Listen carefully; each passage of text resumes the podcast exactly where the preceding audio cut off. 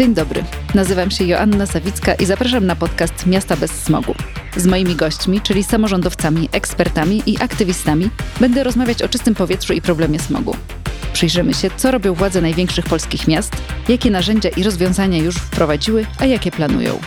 Sprawdzimy, czy współpraca aktywistów i samorządowców idzie sprawnie i czy przynosi efekty. A mieszkańców zapytamy, czy kwestia smogu jest dla nich ważna i czy wpływa na ich wybory polityczne. Audycja jest częścią projektu Miasta bez smogu, którego partnerem jest Clean Air Fund.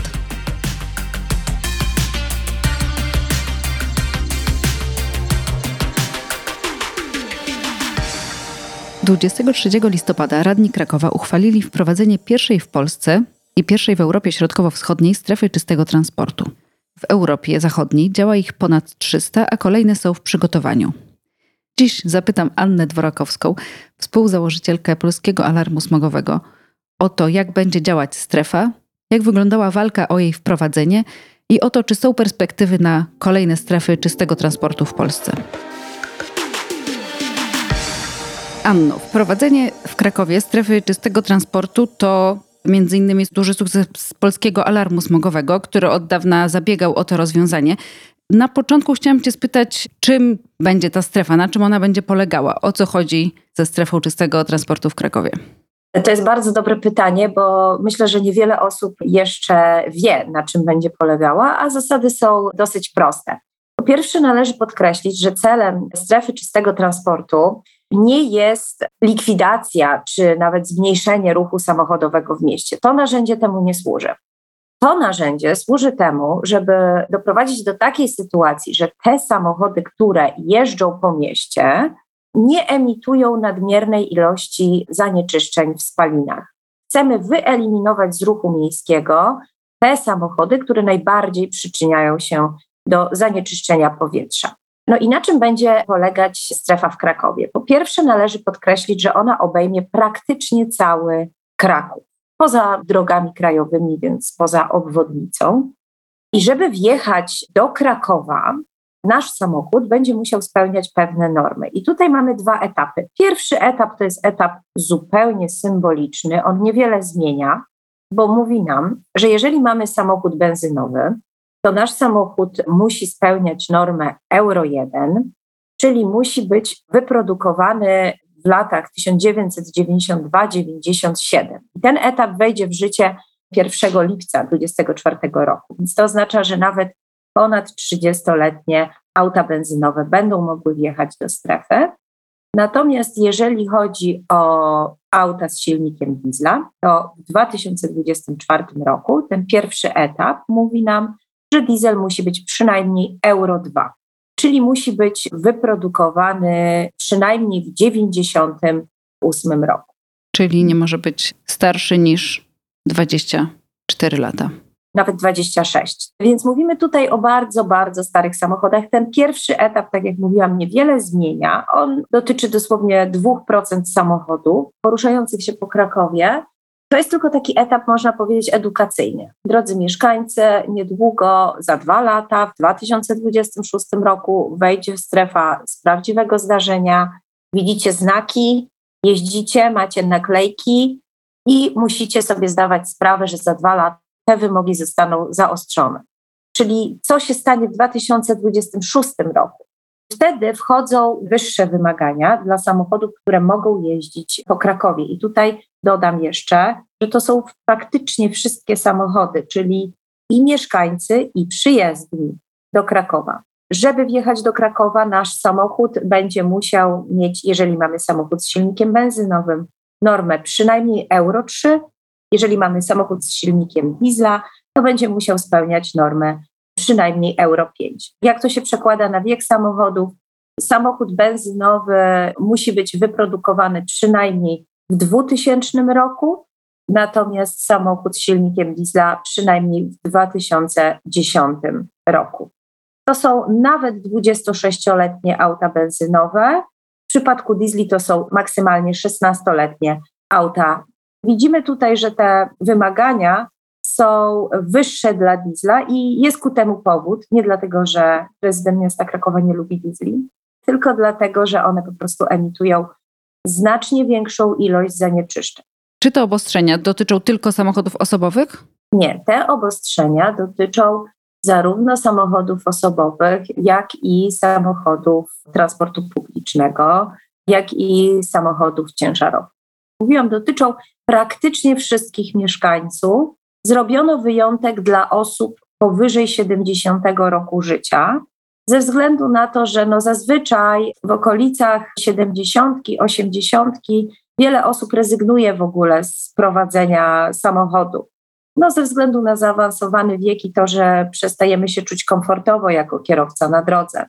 W związku z tym postanowiono, że miasto nie będzie jakby wymuszać na tych osobach wymiany auta, tylko będą oni mogli jakby korzystać z tego auta, które mają. Jak to się przełoży na jakość powietrza w Krakowie? To będzie wymagać jeszcze dość dużych analiz, ale może powiem o dwóch rzeczach. Te samochody poniżej Euro 3 benzyna i poniżej Euro 5 diesel to jest w tym momencie około 20% aut, które poruszają się po ulicach Krakowa. Zarówno aut mieszkańców, jak i przyjezdnych. Ta jedna piąta aut emituje 85% pyłów, które są generowane przez ruch kołowy i 50% tlenków azotu, które są generowane przez ruch kołowy. W przypadku pyłów będziemy rzeczywiście widzieć dość duży spadek ze względu na to, że jeżeli ludzie już będą wymieniać te starsze diesle, które nie mają filtrów cząstek stałych, przez to one emitują ogromne ilości pyłu. To jest kilkadziesiąt razy więcej niż samochody benzynowe, nawet te starsze. Jeżeli oni będą wymieniać te starsze diesle, to będą je wymieniać albo na samochody benzynowe, gdzie, tak jak mówiłam, ta emisja pyłów jest wielokrotnie niższa, albo na nowsze diesle, gdzie ta emisja pyłów też jest dużo niższa. Więc tutaj ten uzysk na pewno powinien być bardzo duży. Natomiast, żeby policzyć, jak to wpłynie na jakość powietrza, no to musielibyśmy wiedzieć, na jakie samochody będą wymieniać ludzie. To zobaczymy, ale przynajmniej w przypadku pyłów ten uzysk myślę, że mamy zagwarantowany. Ostatnie takie wyliczenia dokładne dla Krakowa, co gdzie truje, że tak powiem, mamy z 2018 roku i to się znajduje w programie ochrony powietrza. I tam możemy przeczytać, że na alejach, a więc w centrum Krakowa, to jest ta w ogóle najgorsza stacja, jeśli chodzi o Polskę, najwyższe stężenia pyłów, PM10, najwyższe stężenia dwutlenku azotu. A więc na tej stacji samochody odpowiadają za 35% stężenia pyłów i 72% stężenia dwutlenku azotu, więc to jest bardzo dużo, biorąc szczególnie pod uwagę, że jeszcze wtedy mieliśmy w Krakowie kopciuchy dymiące, bo to był 2018 rok, więc te udziały teraz na pewno będą większe. Wszystko wskazuje na to, że strefa czystego transportu będzie miała pozytywny wpływ na jakość powietrza w Krakowie. Będzie to wpływ znaczący. I też jeżeli patrzymy na doświadczenia krajów zachodnich, które już te strefy mają od wielu lat, widać duże uzyski na jakości powietrza. Brzmi to jakby stosunkowo niewielkim kosztem dało się zyskać bardzo wiele, ale chciałam Cię zapytać o ten koszt. Wy o to rozwiązanie zabiegacie nie od dziś. Chciałam Cię spytać, od kiedy, jak to wyglądało, kogo trzeba było przekonywać i jak długo? O to rozwiązanie zabiegamy już 10 lat, od kiedy istniejemy. Czyli wspaniały prezent na dziesięciolecie, ta strefa. Tak, myślę, że to jest też prezent dla krakowian. Mamy na co czekać na 2026 rok. Pamiętam, że jak były wprowadzane przepisy, które umożliwiłyby przyjęcie uchwał antysmogowych, to było chyba w roku 2013, o ile się nie mylę, to razem z tymi przepisami były też procedowane przepisy właśnie dotyczące stref czystego transportu. Wtedy one się jakoś inaczej nazywały, ale chodziło mniej więcej o to samo żeby można było wyznaczać obszary, do których pewne samochody o konkretnych normach, nie spełniające jakichś norm emisyjnych, nie wjadą. Wtedy było tak, że nikt tych przepisów nie chciał poprzeć. To znaczy uchwały antysmogowe tak, walka z niską emisją, czyli z kotłami, z piecami tak, ale samochody niekoniecznie. Samochody zostawmy w spokoju. To nie jest ten czas, kiedy indziej. Nikt w Sejmie. Tak, jak wiemy, no, w Sejmie najsilniejszą partią jest partia kierowców. I te przepisy o strefach zostały wtedy wycofane, w sumie po to, żeby po prostu mogły przejść przepisy dotyczące niskiej emisji o uchwałach antysmogowych. Ponieważ gdyby one były głosowane razem, no to obie rzeczy by po prostu przepadły. I nie można by było walczyć z kopciuchami. To też byłoby niedobre. Nie było absolutnie woli politycznej na to, żeby przyjąć takie przepisy. Zajęło to naprawdę dobrych kilka lat, żeby temat wrócił. W międzyczasie zostały wprowadzone przepisy do, o strefach czystego transportu do ustawy o elektromobilności, ale one były źle skonstruowane, ponieważ strefy czystego transportu to były takie strefy, można powiedzieć, zeroemisyjne i do nich mogłyby wjeżdżać tylko samochody z napędem elektrycznym. To znaczy nie mogły tam wjeżdżać w ogóle nawet najnowsze auta benzynowe czy auta z silnikiem diesla. Myślę, że w Polsce nie jesteśmy niestety jeszcze na takim etapie. Kraków próbował wprowadzić taką strefę na małym obszarze, oczywiście, no bo to jest tak restrykcyjne przepisy. Nie spotkało się to z sympatią ani mieszkańców, ani radnych. Ta strefa szybko została przekształcona w coś innego. I dopiero w grudniu 2021 roku przepisy o strefach czystego transportu zostały tak zmienione, żeby można było zacząć wprowadzać takie normalne, tradycyjne strefy czystego transportu, takie, których w Europie jest ponad 300, więc no zajęło to niemal 10 lat, bardzo długo. No ale jest. Mamy nie pierwszą w Polsce, tylko pierwszą w ogóle w Europie Środkowo-Wschodniej, więc myślę, że mamy być tego dumni. Tak, to rzeczywiście brzmi jak niezły sukces, że jesteśmy pierwsi w tej części naszego kontynentu. Rozumiem, że jak w 2021 roku zostały wprowadzone, zmienione te przepisy, to wy wtedy zaczęliście na nowo działać lokalnie w Krakowie, żeby tutaj na miejscu przekonać, no właśnie kogo najtrudniej było przekonać? Władze miasta były na to otwarte i były też jednym z tych miast, które pisały do ministerstwa, że potrzebują tych przepisów. Co więcej, Kraków był zobligowany programem ochrony powietrza, który wszedł troszeczkę wcześniej, do wprowadzenia strefy, jak tylko pojawią się no, prawne możliwości. Władz miasta nie trzeba było przekonywać. Na pewno trzeba było mieszkańcom opowiedzieć, co to jest ta strefa, żeby się nie bali, bo tutaj może mam taką gorzką uwagę dotyczącą tego, jak funkcjonuje świat mediów. Często niestety spotykaliśmy się z nagłówkami, które wprowadzały w błąd i tak naprawdę siały nie wjedziesz do Krakowa samochodem, diesle nie wjadą do centrum, przekłamanie, bo wjadą bez problemu, tylko te najstarsze nie wjadą. Tak naprawdę ta strefa to nie jest żadna rewolucja, to jest stopniowa ewolucja. Ludzi, którzy mają samochód, który nie wjedzie do strefy, na dzień dzisiejszy to jest około 20% samochodów, ale około 40% z nich i tak by wymieniła ten samochód w przeciągu czterech lat ze względu na jego wiek i na to, że po prostu wymieniamy samochody. Więc tak dużo tych ludzi, których ta strefa dotknie, nie ma, a poza tym mają oni aż 4 lata, żeby to auto wymienić. Nie jest też tak, że oni muszą kupić nowe auto, mogą kupić auto starsze benzynowe. Przede wszystkim to, które mają, mogą sprzedać. Jak sprzedadzą, będą mieli środki na kupno kolejnego auta. Bo tutaj oczywiście pojawiały się pytania, dlaczego nie ma dotacji do zakupu starych samochodów. Ciężko było może rzeczywiście, ponieważ temat jest dość zawiły, te normy euro, nikt tego nie rozumie, a najprościej jest to opisać. Stare samochody nie wjadą do centrum Krakowa. To znowu jest nieprawda. Wjadą, 26-letnie benzyny wjadą. Więc tutaj można powiedzieć, troszeczkę się tak no, trudziliśmy z dotarciem i wytłumaczeniem, co to jest ta strefa czystego transportu. Trzeba było też przekonywać niektórych radnych. No nie wszystkich się udało przekonać, bo praktycznie cały klub PiSu, poza chyba dwoma wyjątkami, zagłosował przeciw tej strefie. Większość radnych pozostałych grup była za, ale też jak robiliśmy badania i na przykład badaliśmy poparcie dla czegoś takiego przepisu jak zakaz wjazdu starych diesli do miasta, tak żeby ludzie wiedzieli o co chodzi, to to poparcie było duże wśród ludzi. Zawsze było powyżej 60, nawet czasami bliżej 70%. W Krakowie w ogóle ta świadomość, powiedzmy, smogowa jest dosyć wysoka siłą rzeczy.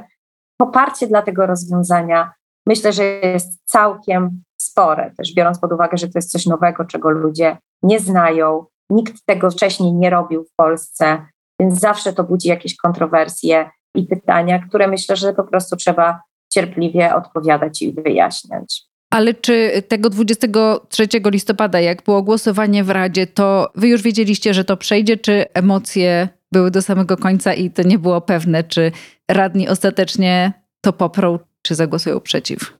wiedzieliśmy, że powinna przejść ta kompromisowa, powiedzmy, propozycja, która przeszła, czyli propozycja miasta, bo najlepiej byłoby, gdyby ta strefa była troszeczkę ostrzejsza, a przede wszystkim, żeby wprowadzała wymóg Euro 6 dla samochodów z silnikiem diesla, ze względu na to, że samochody Euro 5 mają wciąż bardzo wysokie emisje tlenków azotu.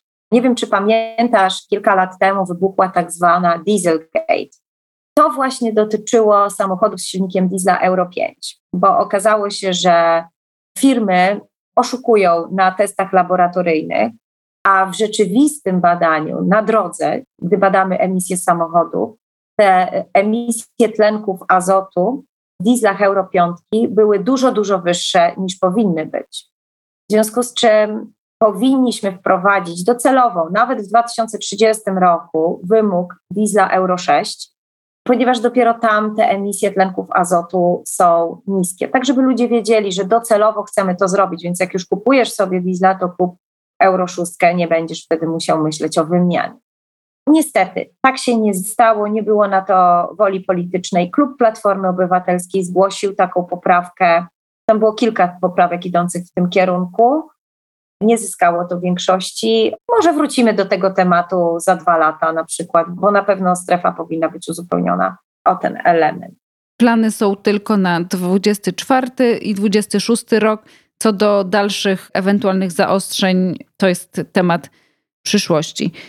Zastanawiam się, na ile jest szansa, że takie rozwiązania wejdą też w innych polskich miastach. Ja jakiś czas temu pytałam samorządowców z różnych dużych polskich miast o to w ramach jakiejś takiej większej ankiety i wszyscy oni twierdzą, że mają bardziej lub mniej zaawansowane plany wprowadzenia strefy czystego transportu ale nie widzę żadnego miasta, gdzie te plany byłyby zaawansowane. Teoretycznie najbardziej zaawansowana jest Warszawa, ale jak patrzę sobie tutaj bardziej z bliska na tę lokalną politykę warszawską, to tutaj mamy problemy nawet z wprowadzeniem stref płatnego parkowania.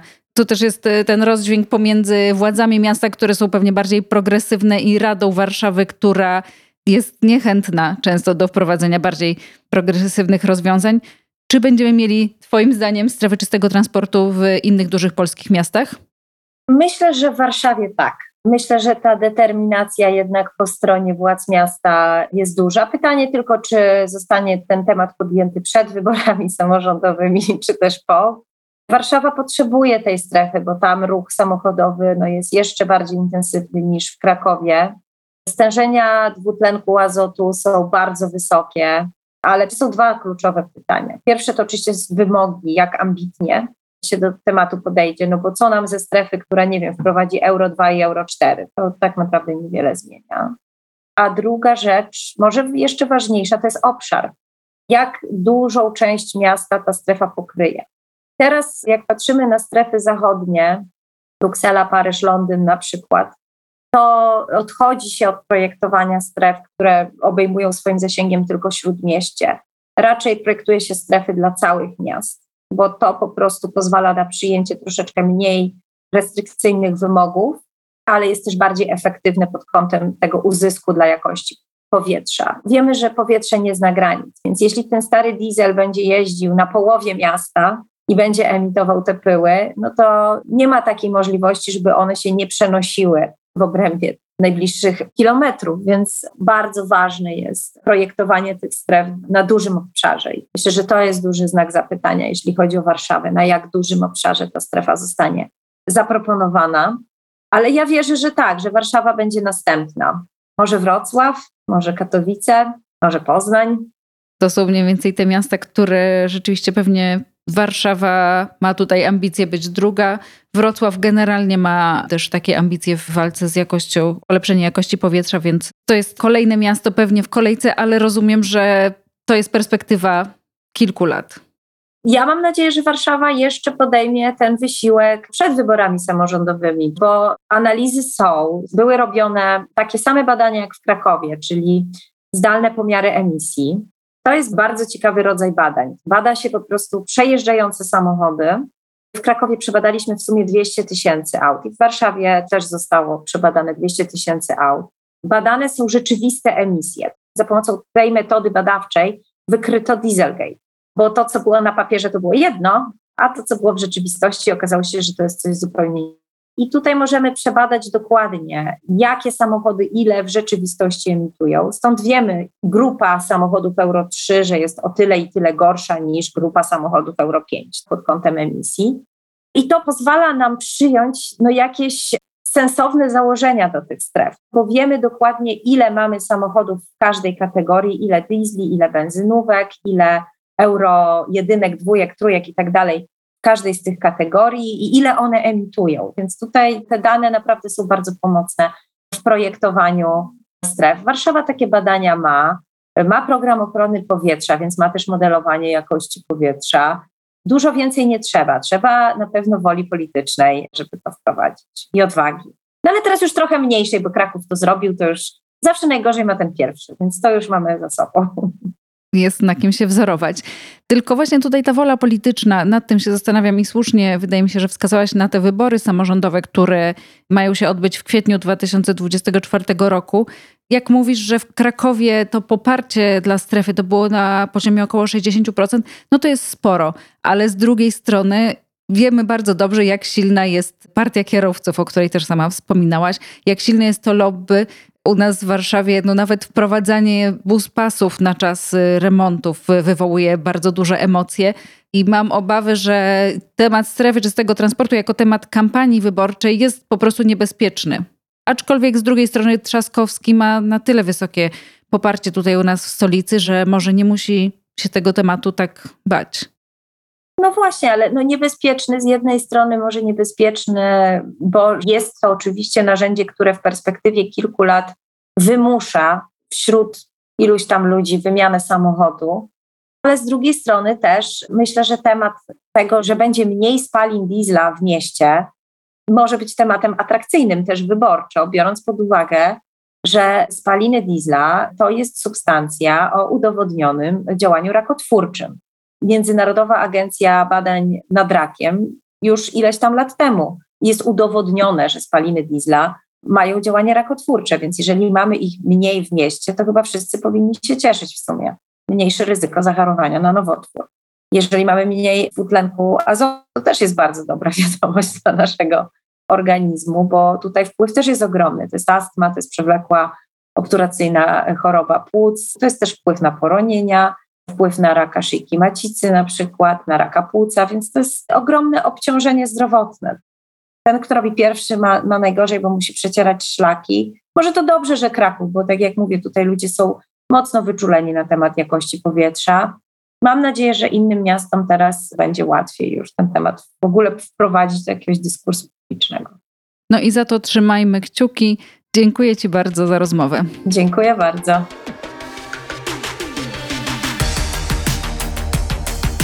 Na dziś to wszystko. Na kolejny odcinek zapraszam za miesiąc.